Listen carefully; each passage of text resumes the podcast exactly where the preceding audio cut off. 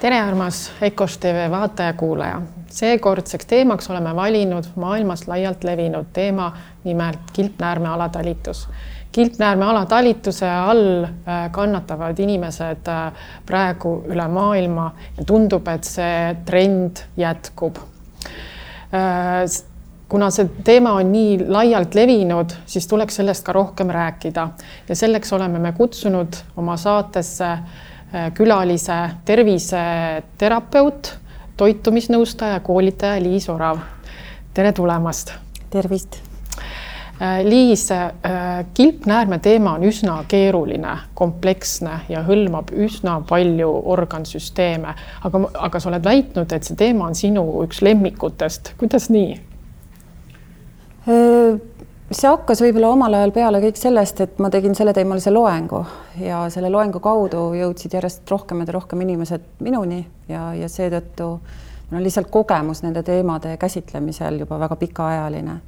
ja oma komplekssuses tõesti, see on niisugune väljakutse üleüldse, et kuidas me saame nii toidu kui ka erinevate siis elustiililiste äh, abivahendite abiga äh, seda tasakaalu seal taastada, aga ma ütlen ka samas, et kuna see on naistele väga niisugune iseloomulik ja just nimelt naiste teema, et siis kaudselt puudutab meid kõiki, et, et nii, nii ma olengi selle teemaga tegelenud teiste seas mm. -hmm aga ütle, miks on kilpnäärme alatalitus nii laialdaselt levinud, mis nende põhjuseks on?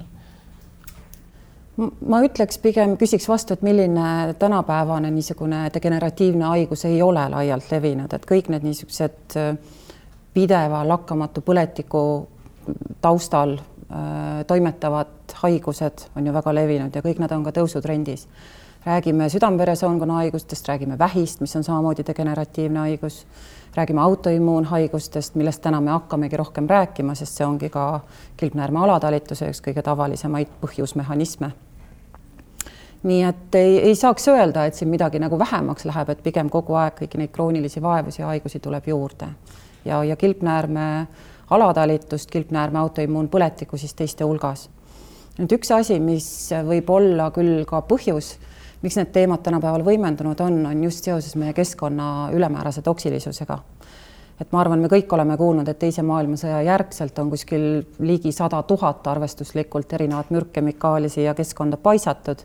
nüüd, kui me mõtleme kilpnäärme kui sellise peale, siis kilpnääre on üks kõige negatiivsemalt laetud organeid meie kehas mis tähendab, et ta tõmbab nii-öelda positiivselt laetud osakesi, äh, erinevaid äh, siis toksilisi osakesi teiste hulgas väga tugevalt enda külge, nii-öelda nagu noh, nagu imab endasse nagu švamm. ja see võib olla ka põhjuseks, miks siis nii, miks, miks ta nii kergelt nagu haavatav on. Äh, teine asi on kindlasti see, et kilpnäärme hormoonid on ju väga niisuguses intiimses ühenduses kõikide teiste hormoonidega kehas, nii naissugu või meessugu hormoonidega, nii meie stressihormoonidega, mida toodavad neerupealised. Ja, ja kuna üleüldiselt võib öelda, et niisuguste stressorite või ka mentaalse ja niisuguse emotsionaalse stressifaktorite osakaal tänapäeval on kindlasti kõrgem kui omal ajal, et siis siis see kõik kokku viibki selleni, et, et väga-väga lihtne on ka stressihormoonide ütleme, kõrgel olles lõpuks hakata seeläbi kahjustama kilpnääret või suguhormoonide tasakaalutuse taustal hakata kahjustama kilpnääret, nii et. aga kuidas ikkagi see stress äh, nagu seda kilpnääret ikkagi mõjutab, et, et kas, kas näiteks ülemõtlemine kuidagi mõjutab äh, kilpnääret? kas on kuidagi aju hüpofüüsiga seotud? Äh, kind, kind, kindlasti on selles mõttes, et äh, kehas on kõik kõigega seotud, et siin ei ole mingisuguseid autonoomselt toimivaid organsüsteeme meil teatavasti ei ole, kõik on alati kõigega seotud. no ütleme tänapäevase või ütleme täiesti niisuguse aktuaalse stressi äh, taustal räägime kasvõi sellest, mis meil praegu siin ümbritseb, eks ju, et on ju teada-tuntud, et see, kuidas me tajume oma keskkonda, need signaalid me nii-öelda konverteerime siis äh, närvivahendusaineteks ja need närvivahendusained omakorda hakkavad mõjutama meie immuunregulatsiooni. et me räägimegi siinkohal siis sellest psühhoneuroimmunoloogilisest teljest, mis näitabki seda, et see, mida me mõtleme, see, kuidas me tunneme, see mõjutab otseselt meie immuunsüsteemi või ka põletiku avaldumist kehas.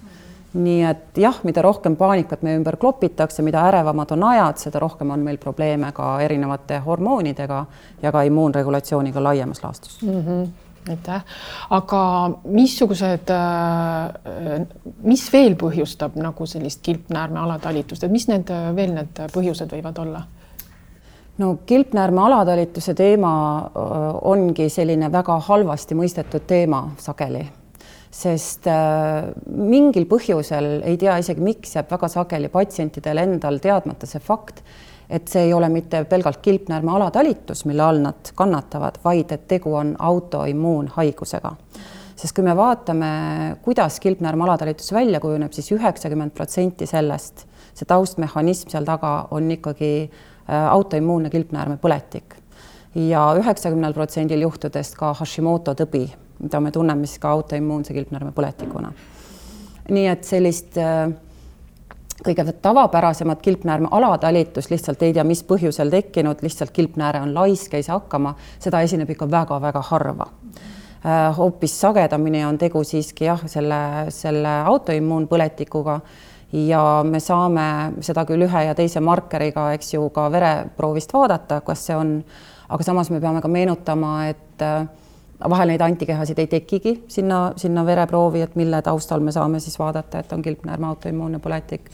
Ja tuleks teha ultrahelivaatus, mis ka annab, eks ju, üht-teist meile ülevaadet, aga jah äh,, miks on hästi oluline see diagnoos?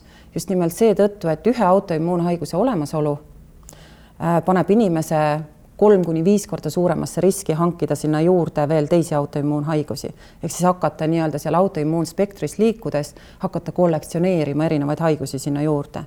ja kui inimene nüüd ise ei tea, ta arvab lihtsalt, et tal on laisk kilpnääre, ta ei teagi, et ta on autoimmuunhaigusega hädas olev inimene, siis ta ei oska ka ennast äh, nii-öelda kaitsta nende teiste võimalike haiguste eest, mis, mis varem või hiljem võivad kaasuma hakata. aga need põhjused võivad siis olla näiteks kas veel toitumises, naistel võib olla ka, ma ei tea, rasedus, et mis need tüüpilised põhjused on, miks, mis kilpnäärme mõjutama hakkavad peale selle toksiinide mm? -hmm no jälle kord, et kui autoimmuunhaiguste põhjusteni tagasi jõuda, siis kõige tavalisemad ongi, eks ju, erinevad viirused, immuunreaktiivsed viirused, bakterid, näiteks helikobakter, mis väga sageli on ka Hashimoto tõvega nii-öelda kaasuv mis on veel väga tavaline, on siis erinev raskemet-, raskmetallide koormuse noh, niisugune äh, tõus, mis, mis on ka ju tänapäeval hästi levinud äh,. mitte liigiomane toit. noh, me võime lugeda üles mis iganes stressoreid, mis meid kõiki tänapäeval nii-öelda kummitavad ja, ja panna need ka autoimmuunhaiguste nii-öelda taustmehhanismina äh, toimetama, nii et, et jah, need kõik, kõik need erinevad asjad mõjutavad aga millised on kilpnäärme niisugused tüüpilised sümptomid, kuidas inimene ära tunneb, et äh, tegemist on kilpnäärme mingi põletikulise näitega? no me võiksime algul äkki üles lugeda need, mis siis viitavad kilpnäärme alatalitusele. ehk siis kilpnäärme alatalituse kõige tavalisem äh, niisugune sümptom on ju see võimetus langetada kaalu, võimetus nii-öelda põletada rasvu energiaks ehk siis inimene, kas ta võtab lausa kaalus juurde või ta millegipärast ei suuda langetada kaalu. hästi tavaline on ka niisugune erinev äh, probleemistik, mis kaasneb sooletööga ehk siis seedetrakti tööga äh,. näiteks äh, peensoole bakteriaalne ülekasv, mis väga sageli on, on tänapäeval teemaks ja millest samamoodi laialt millegipärast ei räägita väga sageli võib, võib siis kohata kõhukinnisust sümptomina kuiv nahk, äh, hormonaalsed probleemid, neuroloogilised probleemid, meeleoluhäired, depressioon, ärevus, väsimus, lakkamatu väsimus, ka lausa niisugune letargiline väsimus, et inimene peale pikka noh, hästi magatud ööd ärkab üles, ta on ikka endiselt väga väsinud.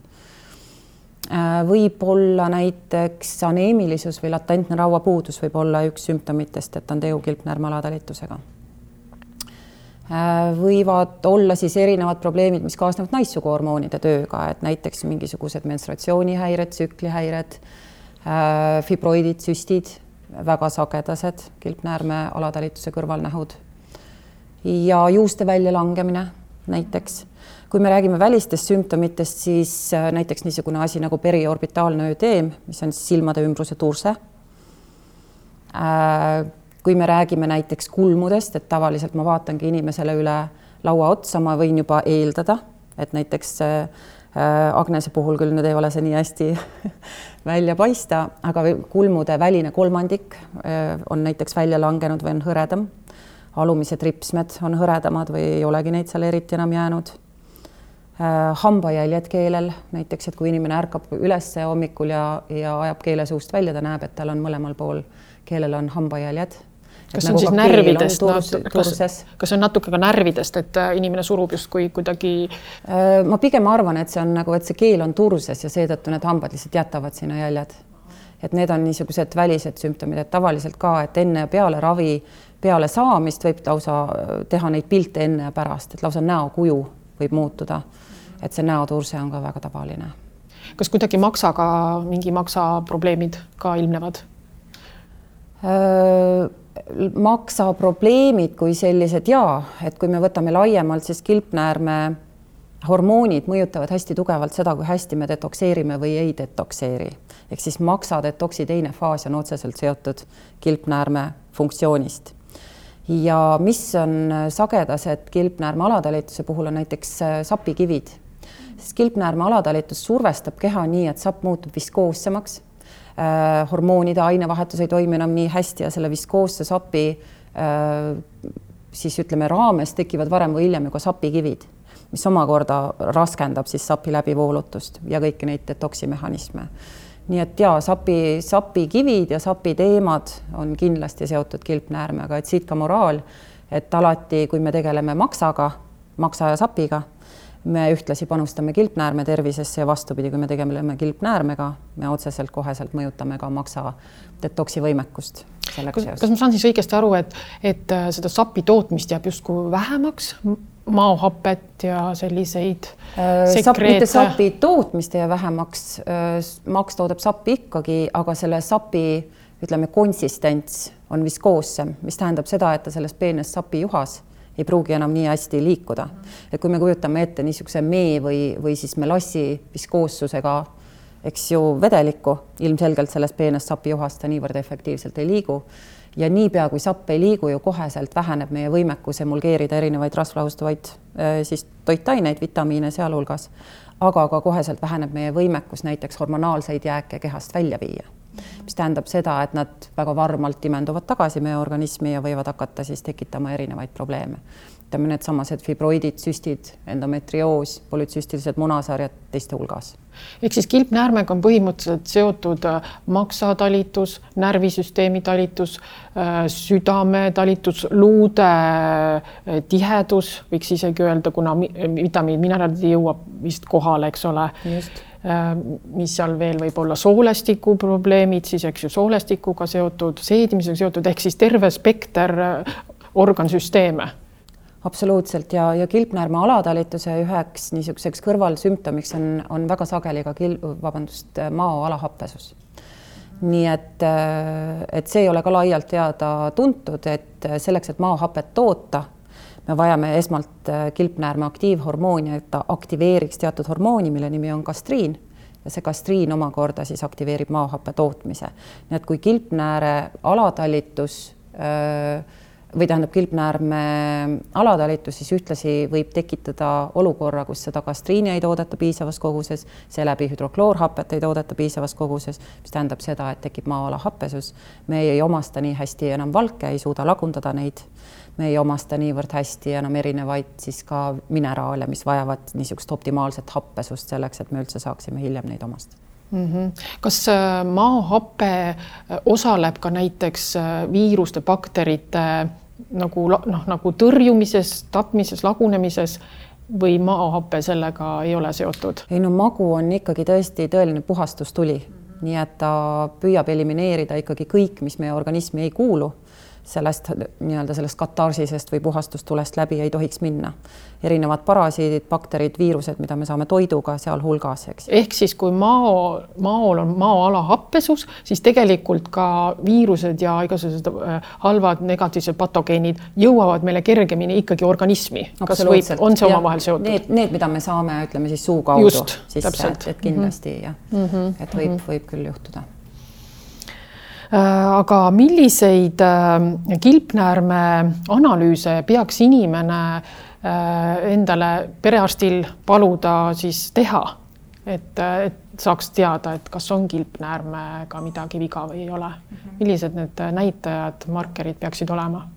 et hästi sageli tulekski nii-öelda mina just kutsuks inimesi üles seda teadlikkust kultiveerimagi, et inimene ise on omaenda kõige parem siis arst meie ise teame alati kõige paremini, kas me tunneme ennast hästi või halvasti ja sageli võib kohata tegelikult sellist äh, olukorda, kus inimene tunneb ennast väga negatiivselt, aga tema, tema analüüsid, eks ju, on korras. mida me võime tänapäeval näha, on see, et sageli neid analüüse tehakse pealiskaudselt ja, ja võib-olla see teadlikkus patsientidel endal on siis madalam, et nad ei oska ka neid juurde nõuda et äh, kui juba inimene satub endokrinoloogi juurde, siis võib eeldada, et tõesti tehakse põhjalikud analüüsid ja kõik need markerid on seal ka kenasti jälgitavad.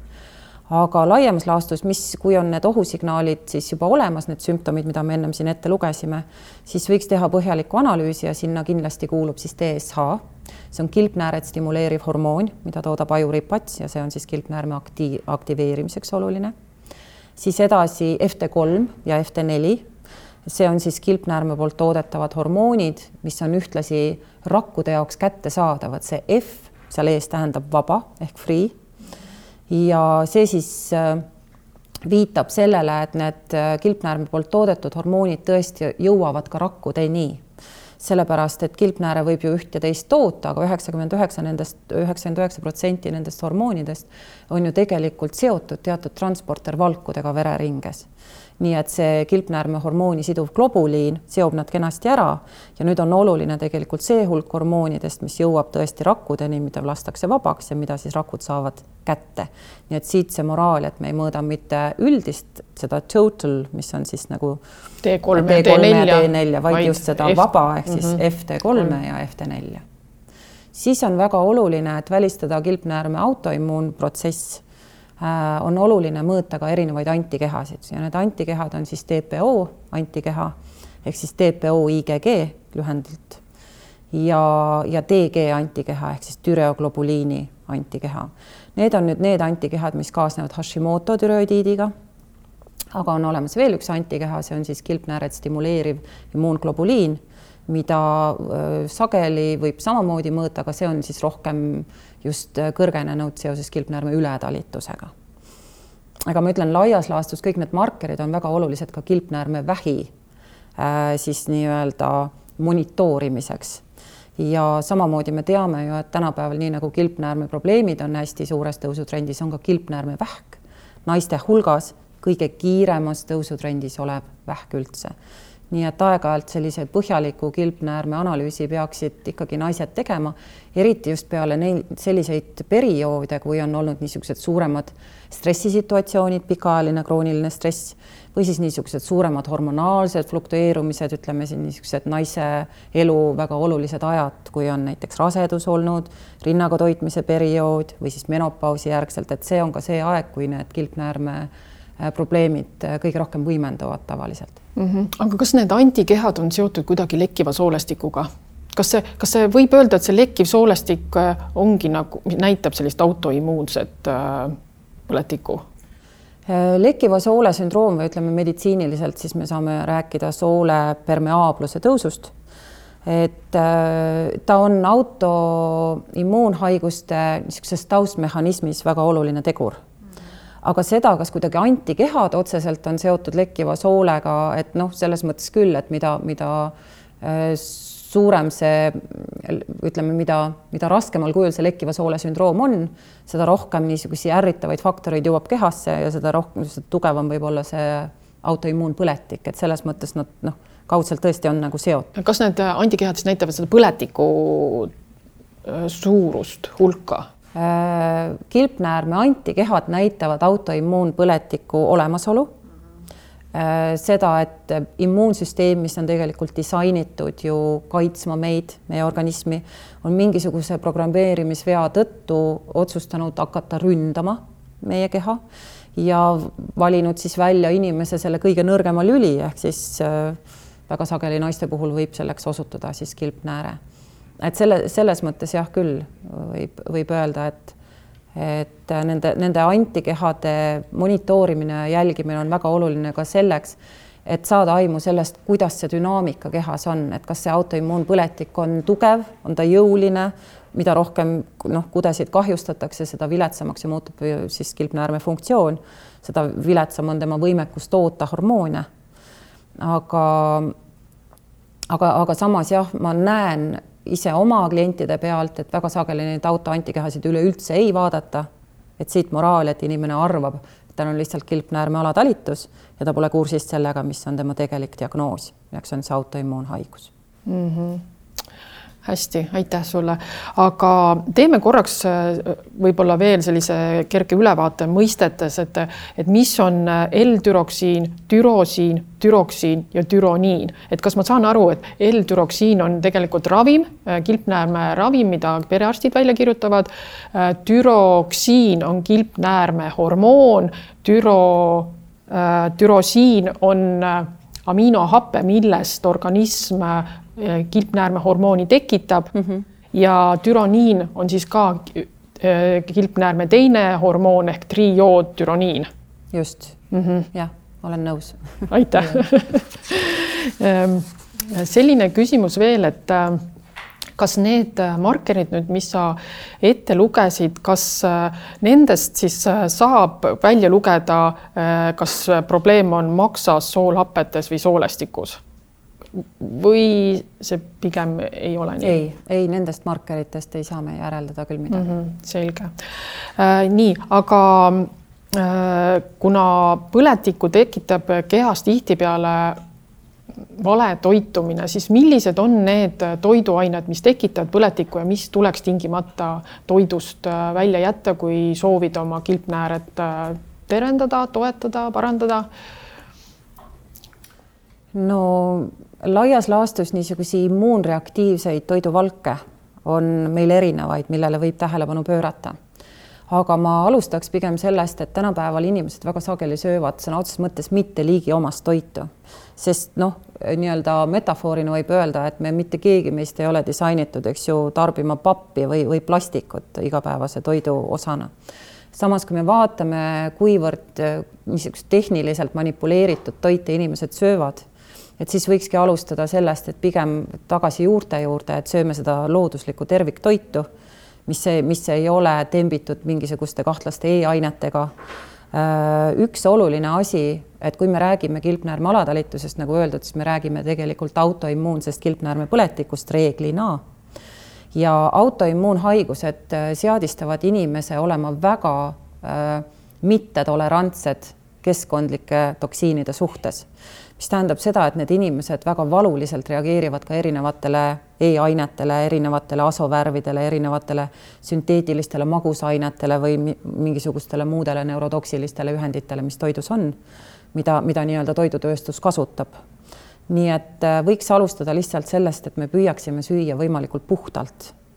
et see oleks juba niisuguse hea eelsoodumuse loomine nüüd edasi, kui me räägime nendest sõna otseses mõttes immuunreaktiivsetest toiduvalkudest, siis üks kõige olulisem neist on kindlasti gluteen. ja ma isegi ei tahaks veel ütelda laialt lihtsalt gluteen, vaid gliadiin, gliadiin on üks, üks osa, eks ju, gluteenist. et gluteen on äh, toiduvalk, mida siis äh, sisaldab nisu, rukis ja oder ja ristsaastumise käigus ka kaer ja, ja see gluteen jõuab tegelikult enamusse meie toidust, kui me kui me jälgime lihtsalt seda, mis, mis pakenditele on kirja pandud, eks ju.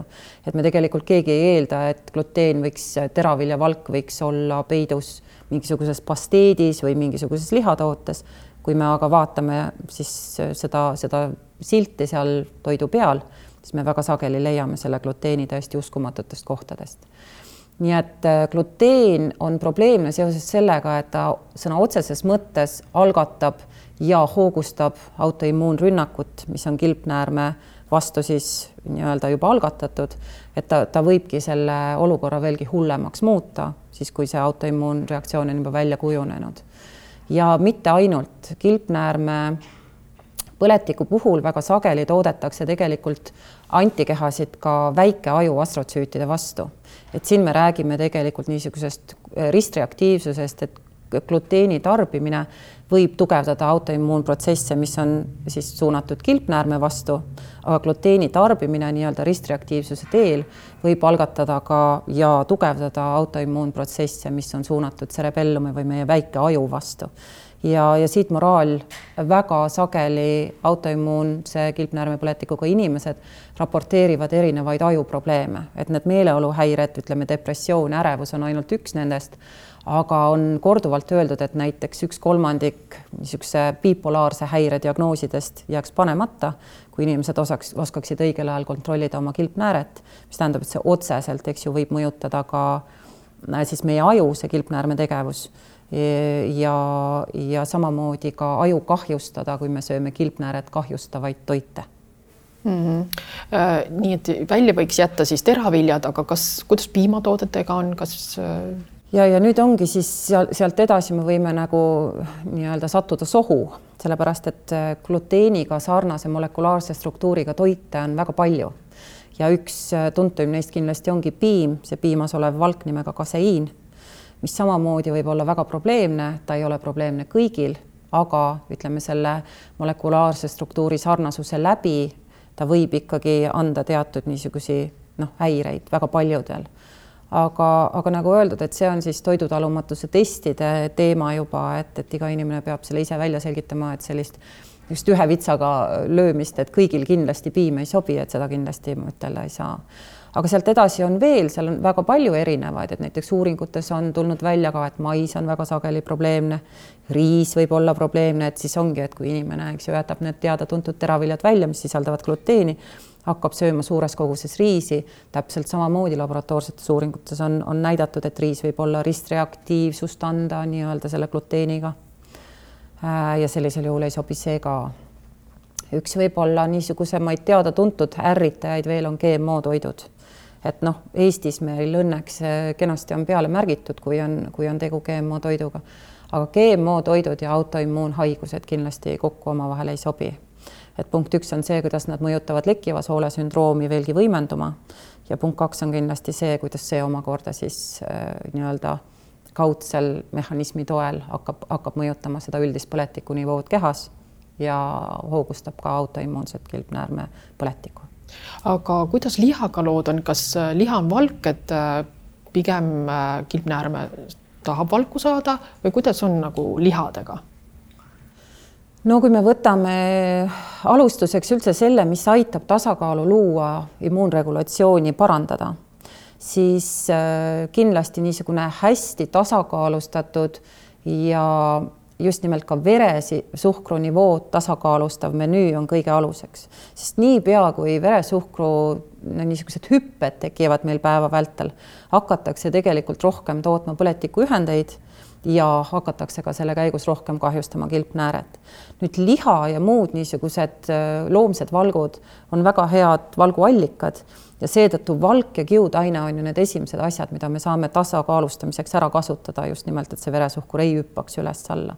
et seetõttu ja mida mina näen, on see, et, et on väga palju ütleme, taimetoitlasi, kes peavad kilpnäärme alatalituse tekkides ennast ümber seadistama ja andma endale aru, et see loomse valgu osakaal võib olla päris oluline nende menüüs, rääkimata sellest, et kõik üldse ei olegi disainitud äh, hakkama saama ilma loomse valguta, eks ju, et et see võibki olla väga oluline niisugune osis üldse menüüs, aga aga laias laastus jälle ka, kui me mõtleme selle peale, millest see türosiin siis või see kilpnäärme äh, tootmiseks äh, oluline aminohape, et kust see siis tuleb, see tuleb ju ka valgust, eks ju, et ikka jah et, et liha, liha on, võib olla oluline roll just, just nagu mitmel moel siis, et, et ta ühest küljest alla annab meile algaineid selleks, et eks seda valku, eks ju, seda türosiini leidub ka taimses valgus, selles mõttes ma ei tahaks ületähtsustada loomset valku, aga, aga jah, et, et liha,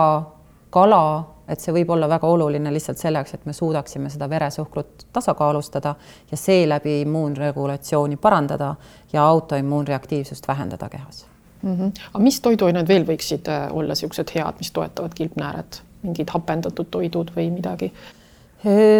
absoluutselt hapendatud toit, et kui me räägime ka jälle autoimmuunreaktsioonidest, siis kõik see saab alguse ju sellest lekkiva soole sündroomist ja sellest, et sooletrakti mikrofloora mingil põhjusel on, eks ju, hälbinud või on tekkinud düsbioosi seisund või on tekkinud siis peensoole bakteriaalne ülekasv. et nii ehk naa kõikide nende hapendatud toitude najal me saame natukene seda taust, tausta seal paremaks timmida, et need hapendatud toidud on, on tõesti väga olulised, sest nad punkt üks sisaldavad ise erinevaid baktereid ja punkt kaks, need on ju head kiudainerikkad toidud, mis on omakorda siis prebiootiliseks niisuguseks aineks, et bakterid saavad ka sealt süüa. nii et ta on nagu probiootikum ja prebiootikum ühes mm. -hmm. aga soovita veel neid toiduaineid, milles, mis on üldse kiudainete rikkad? No kui me võtame aedviljad, siis on ju kõik seal üks suur kiudaine ongi ainult, et aedviljad ja, ja marjad täpselt samamoodi, pähklid, seemned, et kõik niisugused head terviktoidud on suurepärased, mis aitavad tervendada, mis võib-olla, äh, millele tuleks erilist rõhku panna, on just ka ensüümide rikas siis toortoit.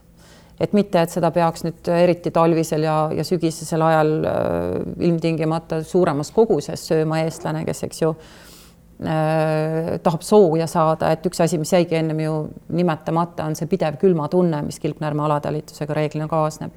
et te tunnete alati ära siis kilpnäärme ala, alatalituse käes vaevleja, kui te näete, et kõik teised on, eks ju, T-särkides, aga keegi on seal rullkraega kampsunis, eks ju, sealsamas ruumis. et, et ja, et kilpnääre on oluline meie termoregulatsiooniks ja, ja, ja seetõttu jah, et me ah, ja liha juurde tagasi tulles, kusjuures saabki öelda, et, et see loomne valk on ka üks kõige äh, termogeensemaid aineid üldse, ehk siis selle najal saab moodustada väga palju soojust meie kehas, et, et, et selles mõttes küll oleks, oleks, oleks mõistlik äh, see võib-olla võtta sinna menüüsse. supipuljongid oleks vist väga head, eks ole? ja puljongid on kindlasti väga head ka sellele lekkivale soolele aga tagasi tulles sinna ens ensüümide rikka toortoidu juurde, on see lihtsalt, et see niisugune hea energiaga toortoit mis on, ütleme, kas värskelt pressitud toormahlad või, või värsked salatid või, või smuutid. et äh, tõesti, nad sisaldavad eluenergiat, mida me ei saa võib-olla pikalt keedetud, termiliselt töödeldud toidust. ja, ja see on ka see, mida eestlased väga sageli väga vähe tarbivad, et niipea kui tulebki sügis kätte või talv, et seda noh praktiliselt üldse enam ei tarbita. aga samas see vajadus ensüümide järele meie kehas jääb. mida rohkem on põletikku, seda rohkem me vajame neid, seda eluenergiat ja neid tervendavaid ensüüme, mis aitavad ka samas põletikku langetada. Mhm. kas äh, külmutatud äh, marjadest ja puuviljadest smuutid teha, noh muidugi soojendades üles, kas, kas see võiks olla siis selline hea? ja külmutatud marjad on, on väga jah, on väga hea variant, et, et miks mitte, et seda võib eelnevalt, eks ju, võtta, sulatada ja, ja teha nendest edasi siis mida iganes, aga jah, on vaja meeles pidada seda, et ensüümid kaovad, kui seda toitu on soojendatud üle neljakümne, neljakümne kolme kraadi.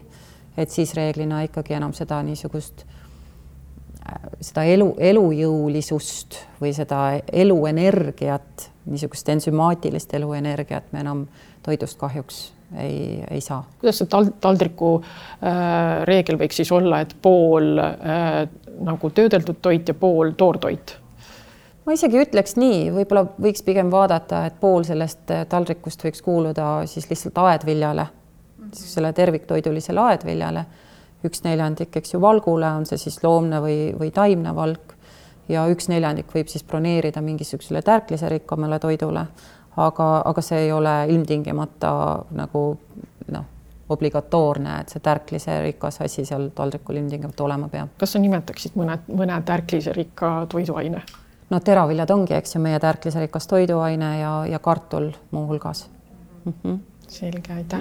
aga milliseid vitamiine, mineraale ja teisi toidulisandeid sa kilpnäärme puhul soovitaksid, et mis toetavad äh, kilpnääret mm? -hmm et äh, olgu siis kohe alguseks ära öeldud, et ei ole ühtegi niisugust üksikult purgist võetavat isolaati või preparaati, mille abil me saaksime näiteks autoimmuunpõletikku äh, tugevalt langetada. Sellist asja ei ole, et alati nii nagu sageli inimesed loodavad ravimite peale, siis nii-öelda sinna teise äärmusesse üle minnes hakatakse lootma mingisugusele ühele imelisele purgile, mis, mis siis kõik meie kehas korda saadaks, et tegelikult sellist asja ei ole. Küll aga võib öelda, et on olemas niisugused teada-tuntud defitsiidid, mis tavaliselt kilpnäärme haiguse puhul on võimendunud. üks nendest kindlasti on äh, raud et tegelikult ongi öeldud nii, et me ei saa nagu väga palju kilpnäärme heaks teha, enne kui see raua staatus on, on nii-öelda siis hea. ja mida võib kilpnäärme probleemide puhul sageli kohata, ongi see, et tehakse küll hemo, hemogramm ja sealt tuleb välja see hemoglobiini näit, mis võib olla enam-vähem okei okay, aga unustatakse kontrollida, mida teeb rauadepoo kehas, ehk see on siis see ferritiini näit ja kui ferritiin on madal, siis tegelikult kilpnääre väga hästi toimetada ei saa, sest äh, kilpnäärmel on vaja, et oleks piisav rauadepoo kehas, et hästi toim-, toimida.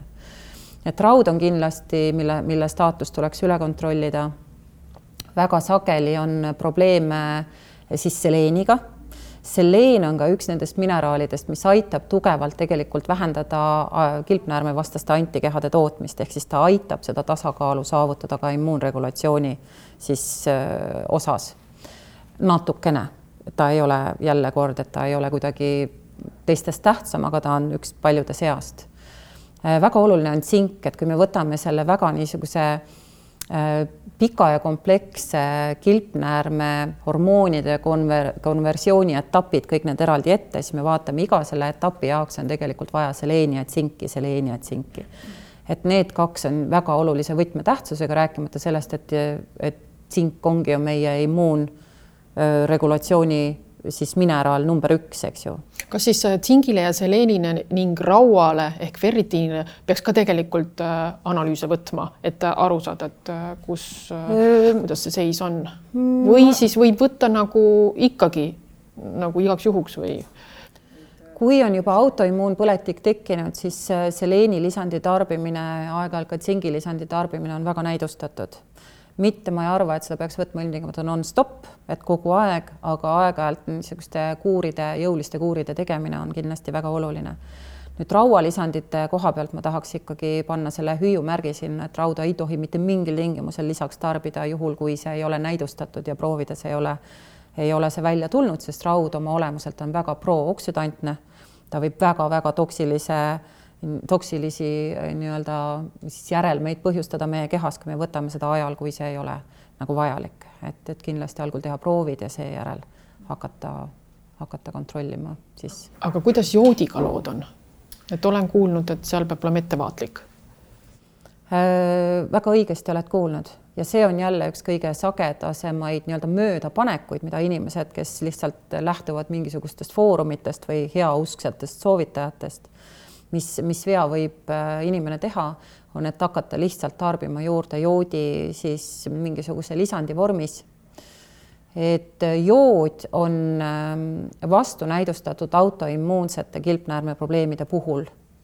ja kui me ütleme et, et üheksakümmend protsenti kilpnäärme probleemidest on autoimmuunsed, siis äh, jood võib siis tugevdada autoimmuunreaktsiooni, autoimmuunpõletikku, mida ta otseselt teeb, on ta algatab siis äh, niisuguse TPO antikehade juurdetootmise äh, kehas, et kui, kui me võtame seda, seda liig-, liigselt saame seda joodi, et siis kindlasti see tugevdab autoimmuunpõletikku ja see ei ole kuidagi kilpnäärme funktsioonile hea, sest autoimmuunpõletiku käigus me ju kahjustame kilpnäärmekudesid ja väheneb ka siis võimekus toota kilpnäärmehormooni nii et on tehtud väga palju erinevaid uuringuid sellest ja isegi uuring, mis näitab, et kui me vastupidi just vähendame joodi tarbimist menüüs, et näiteks seal oli väga põnev uuring, mis tehti minu, kas see oli Koreas äh,, oli uuring, mis näitas, et kui äh,, kui joodi tarbimine päeva jooksul jääb alla saja mikrogrammi, siis vastupidi, kilpnäärme funktsioon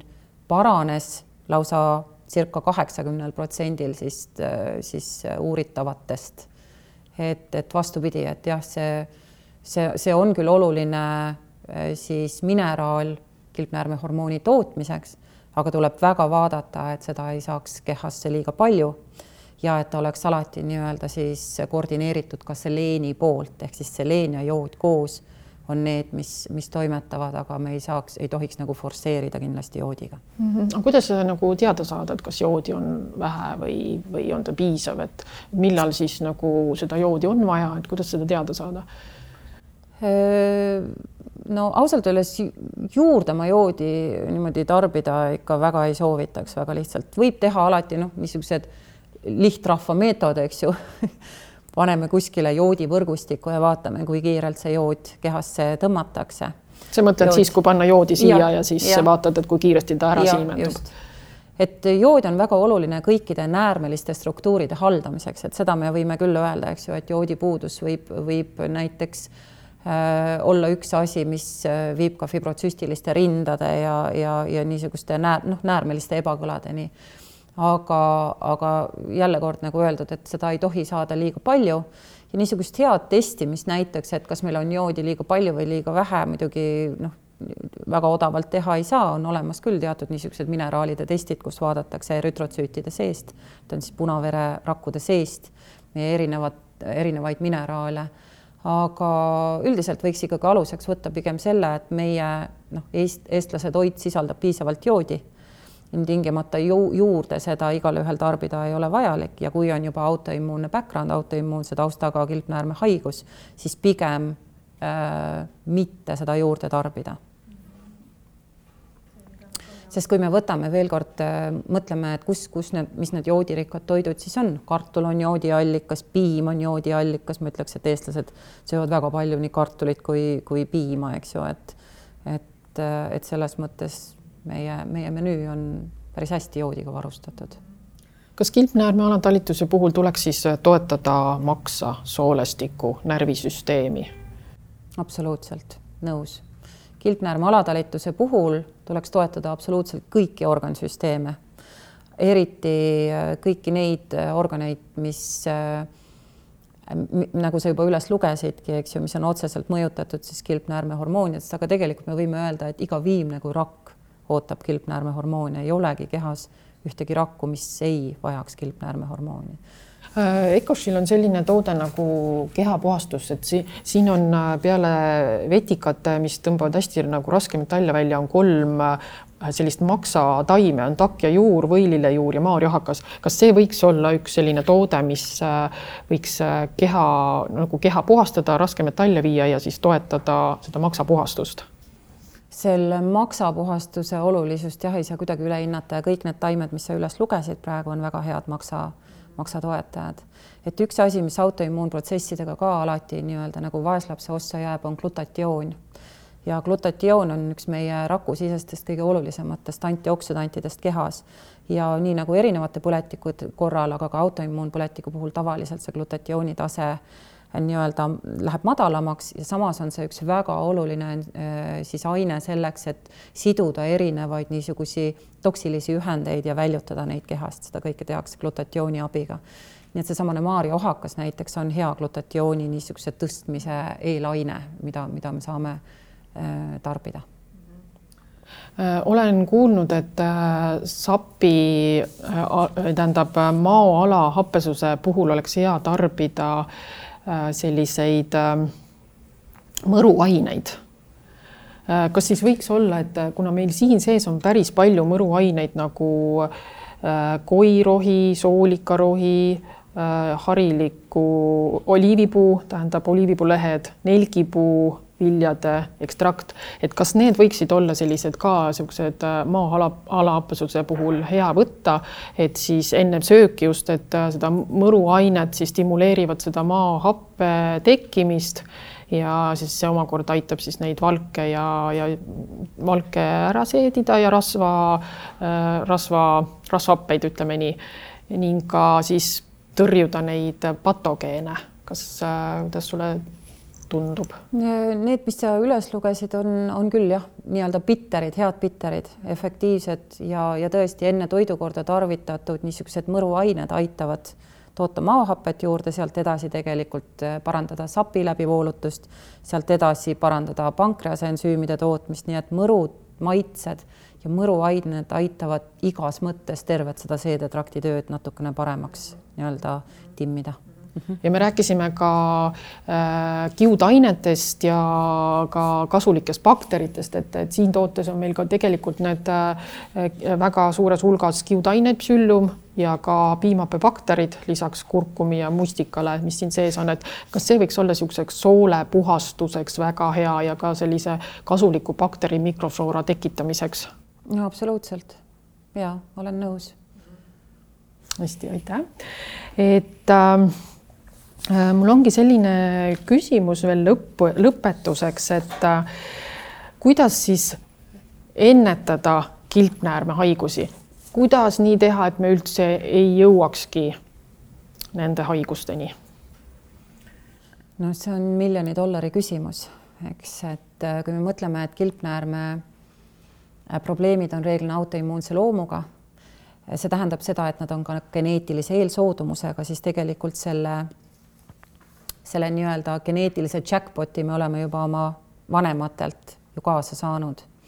nüüd küsimus, kas see autoimmuunhaigus meie äh, kehas siis elu jooksul äh, siis vallandub või mitte, see on juba küsimus meie oma valikutest või kõigest sellest, millest, millega me siis elu jooksul kokku puutume et näiteks on, on väga palju näidatud seda, et autoimmuunhaiguste tekkeriski suurendab tugevalt lapseeas nii-öelda läbi elatud erinevad niisugused traumaatilised sünd, sündmused. noh, kui palju laps on nüüd võimeline neid ära hoidma, eks ju, et nähtavasti ei ole, et see on ikkagi see, kuidas meile kõrgemalt on antud see eluteel see, see nii-öelda rännak. kas me saame teadlikult ennast hoidud, hoida erinevatest toksilistest stressoritest, absoluutselt saame kui me oleme piisavalt teadlikkust kogunud, siis me, siis me saame neid paremaid valikuid teha. kas me saame parandada oma ööpäeva rütmi, äh, panustada oma unehügieeni, tõesti nagu käia kaasas sellega, et meid on disainitud olema siis aktiivsed just nimelt päevasel ajal ja mitte öösel nii-öelda öökullina ringi laperdama. Et ja me saame teha ka neid valikuid õigesti, et me saame väga paljusid valikuid äh, siis natukene paremaks Äh, nii-öelda muuta, kui meis on see teadlikkus, aga juba vallandunud kilpnäärme haigust nii-öelda siis väga lihtsalt tagasi pöörata meil ilmselgelt ei ole võimalik. Mida on võimalik autoimmuunhaiguste puhul teha, on viia nad remissiooni ehk siis seda nii-öelda immuunmälu me kehas kustutada ei saa.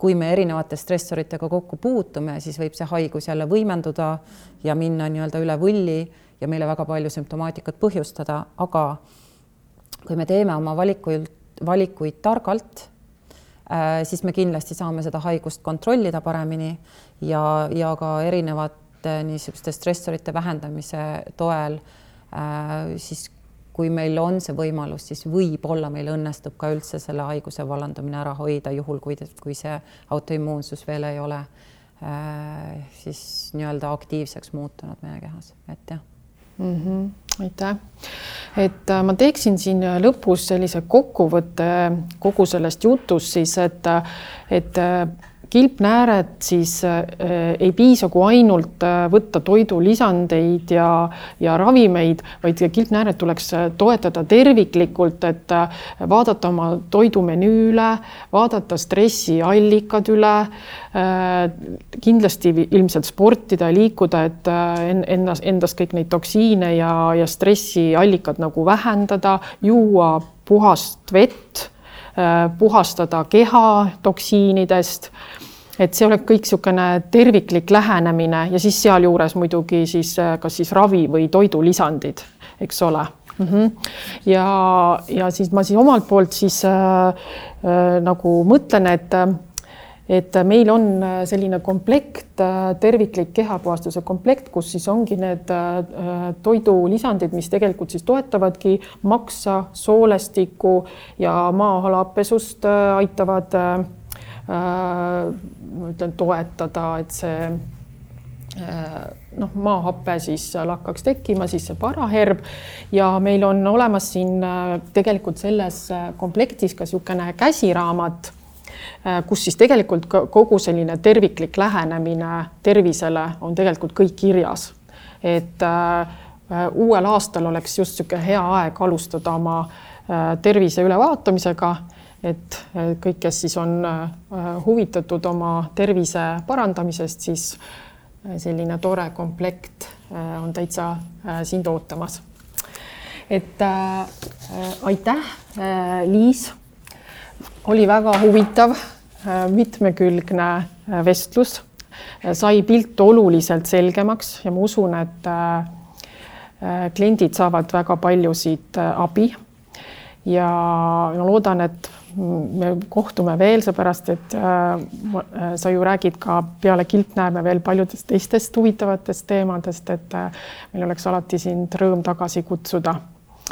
et aitäh veel kord, et sa tulid oma kasulikku infot jagama mm. -hmm suurepärane, aitäh sulle ka. aitäh